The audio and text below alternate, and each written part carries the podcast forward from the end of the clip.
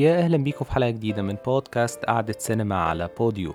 النهاردة هنتكلم في موضوع مختلف شوية بس أكيد ليه علاقة بالسينما. اللي خلاني أفكر في موضوعنا النهاردة هو نزول مسلسل ما وراء الطبيعة على نتفليكس. والحقيقة بعيدا عن أي شيء هو خطوة كبيرة جدا إن يكون في إنتاج مصري على نتفليكس وحاجة original ويعني سواء بقى الناس حبته أو كان فيه تحفظات أو انتقادات بس أنا شايف إنها خطوة مهمة للأمام. ولحد دلوقتي في الحاجات اللي اتفرجت عليها أكتر حاجة عجباني هو أداء أحمد أمين يعني لازم أسجل إن هو بصراحة كان متميز جدا. إيه اللي خلاني أتكلم بسبب ما وراء الطبيعة؟ في وسط كل ده طلع إن المسلسل أول ما نزل دخل في قائمة آي إم دي بي الأفضل 250 مسلسل على مستوى العالم أو في التاريخ يعني اللي هما بيبقوا متسجلين على الموقع. وبعدين بعدها بيوم أو اتنين الناس كلها قالوا لأ هو اتشال والتصويت زيادة. فالموضوع لفت نظري إن إحنا نتكلم في القصة دي ونتكلم على موقع IMDb وإزاي عامة النوع ده من ال- التصويت للمسلسل ال- التفاعل بأرقام أو إن ده كام من عشرة أو كام في المية.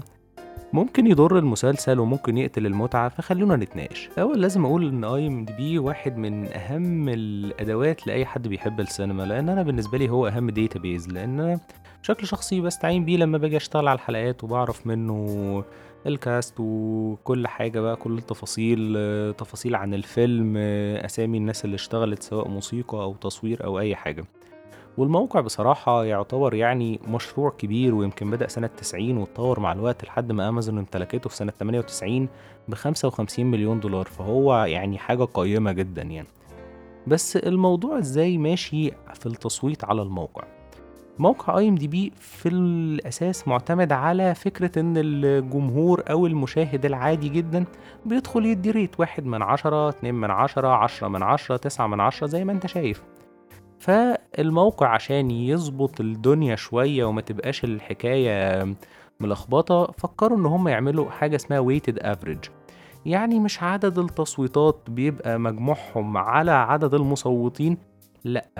لكن ال IMDb بيقولوا إن هم بيقبلوا كل الأصوات بس مش كل الأصوات ليها نفس التأثير.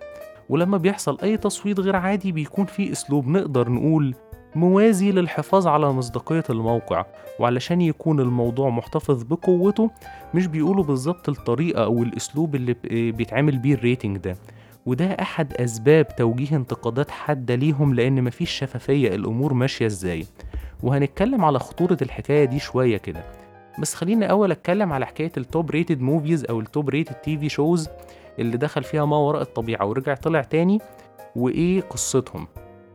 لما بنيجي للنوع ده من الأفلام أو المسلسلات مش أي الأصوات بقى هي اللي بتتحسب. لا كل الموضوع بيبقى مهم جدا لأن المسلسل ده خلاص بقى من من ال top أنتوا متخيلين كام مسلسل موجود حتى على نتفليكس HBO تاريخيا يعني موجود في القائمه دي واللي وبيتصارعوا على الدخول والخروج فيها يمكن تحديدا في في المراكز المتأخرة من القايمة نقدر نقول إنها بتتغير من وقت للتاني. فعشان كده لما بنيجي نشوف بنلاقي إن مش أي صوت بيتحسب بياخدوا الأصوات الناس ال regular voters اللي هم بيدخلوا باستمرار بيقيموا.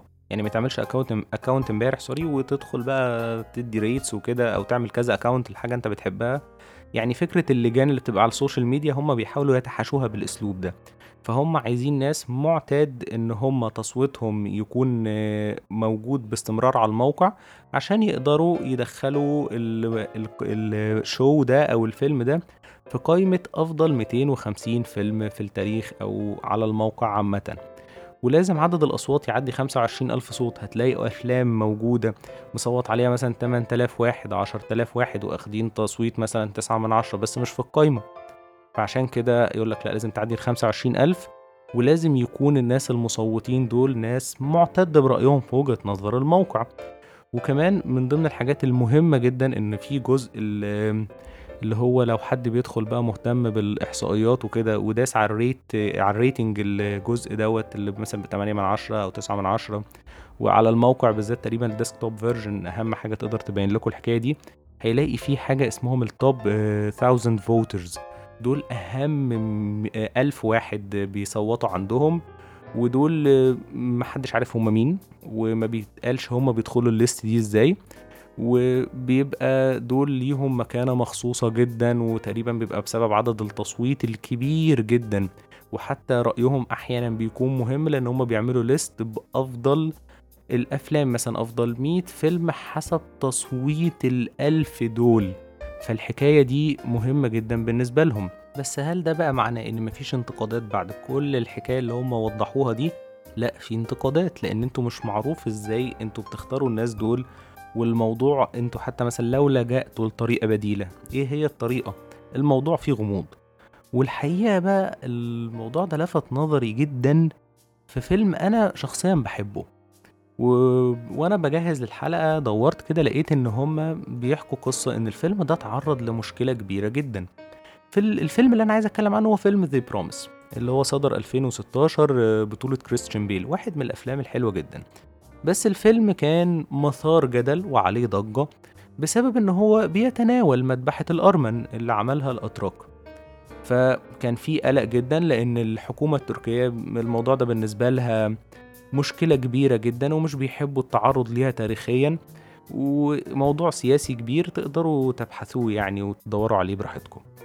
فالفيلم ده لما اتعمل كان وراه آه، ناس أرمن كتير آه، في واحد منهم بليونير أو ملياردير موجود في أمريكا.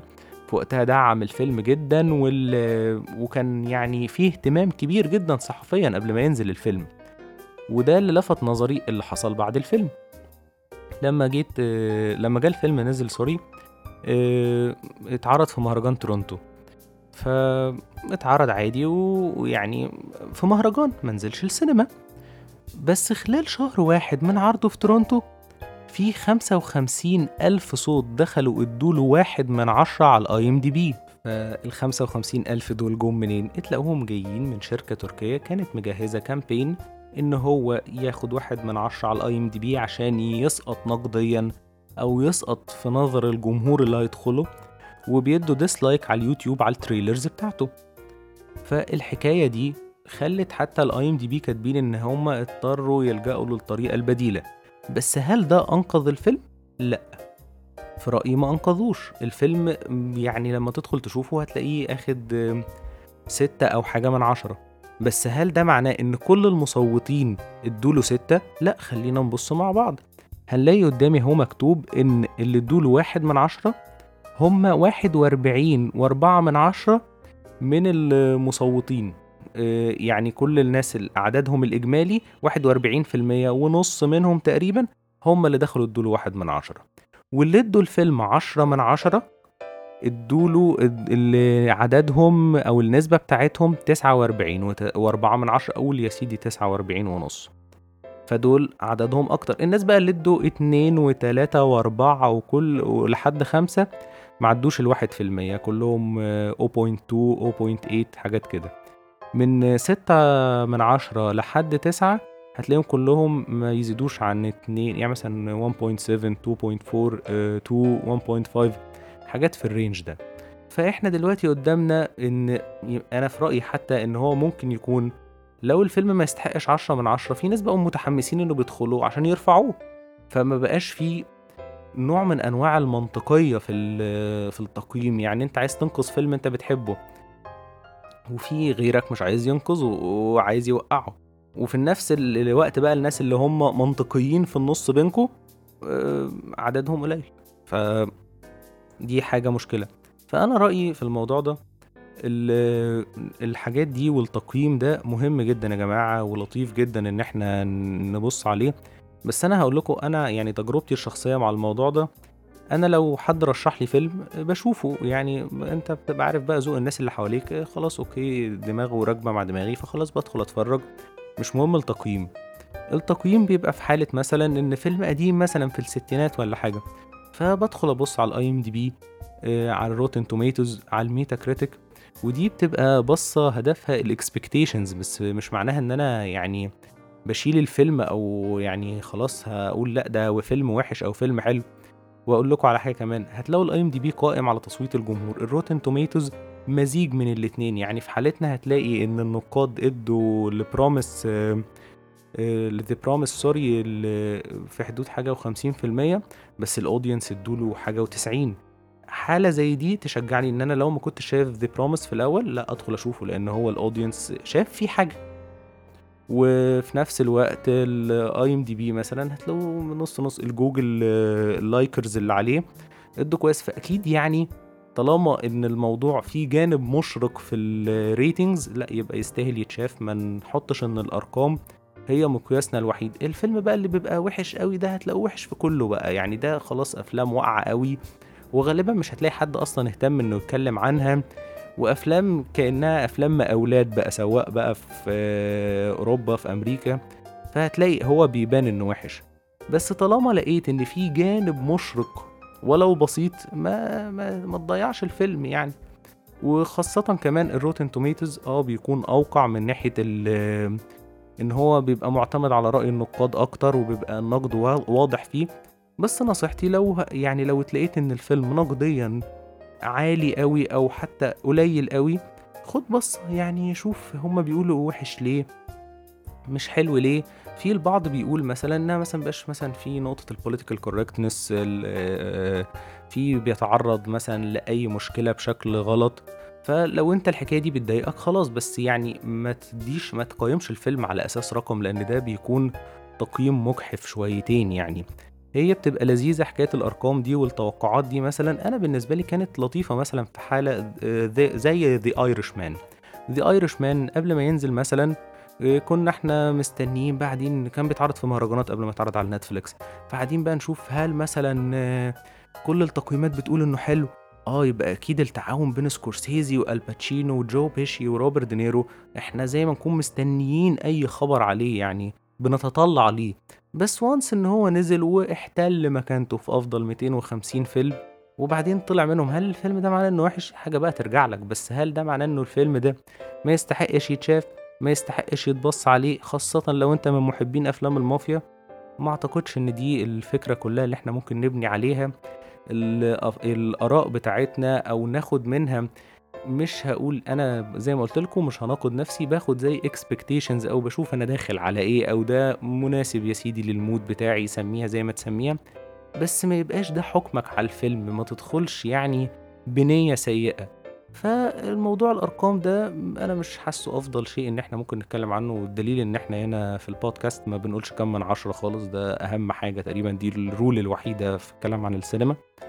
فيعني لو أنت عايز تستخدم الحاجات دي ال Rotten Tomatoes وال IMDb أعتقد إن الأولى إنك ممكن تدخل تقرأ ال comments نفسها اللي موجودة.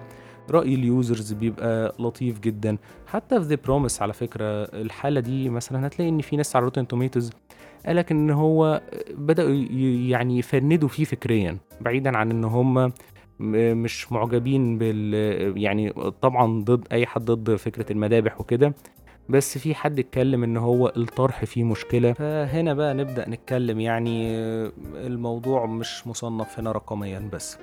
لحد هنا خلص كلامي عن موضوع ال IMDb والرأي في موضوع التقييمات بالأرقام. بس طبعا النقد والحاجات المكتوبة وال reviews اللي على اليوتيوب وكده أنا بشوفها مفيدة وأنا نفسي أحيانا بحب أتفرج على حاجات كتير منها وبتابع ناس منها. فدي كانت تجربة مختلفة شوية في البودكاست. لو عجبتكم ممكن تقولوا لي تحبوا نتكلم في مواضيع إيه أبدأ أدور فيها ونتناقش سوا مع بعض. تقدروا توصلوا لي على ال social media accounts موجودة في ال description فوق. واللي مش عامل subscribe يا ريت يعمل عشان توصل لكم الحلقات الجديدة ونتقابل الحلقة الجاية. مع السلامة.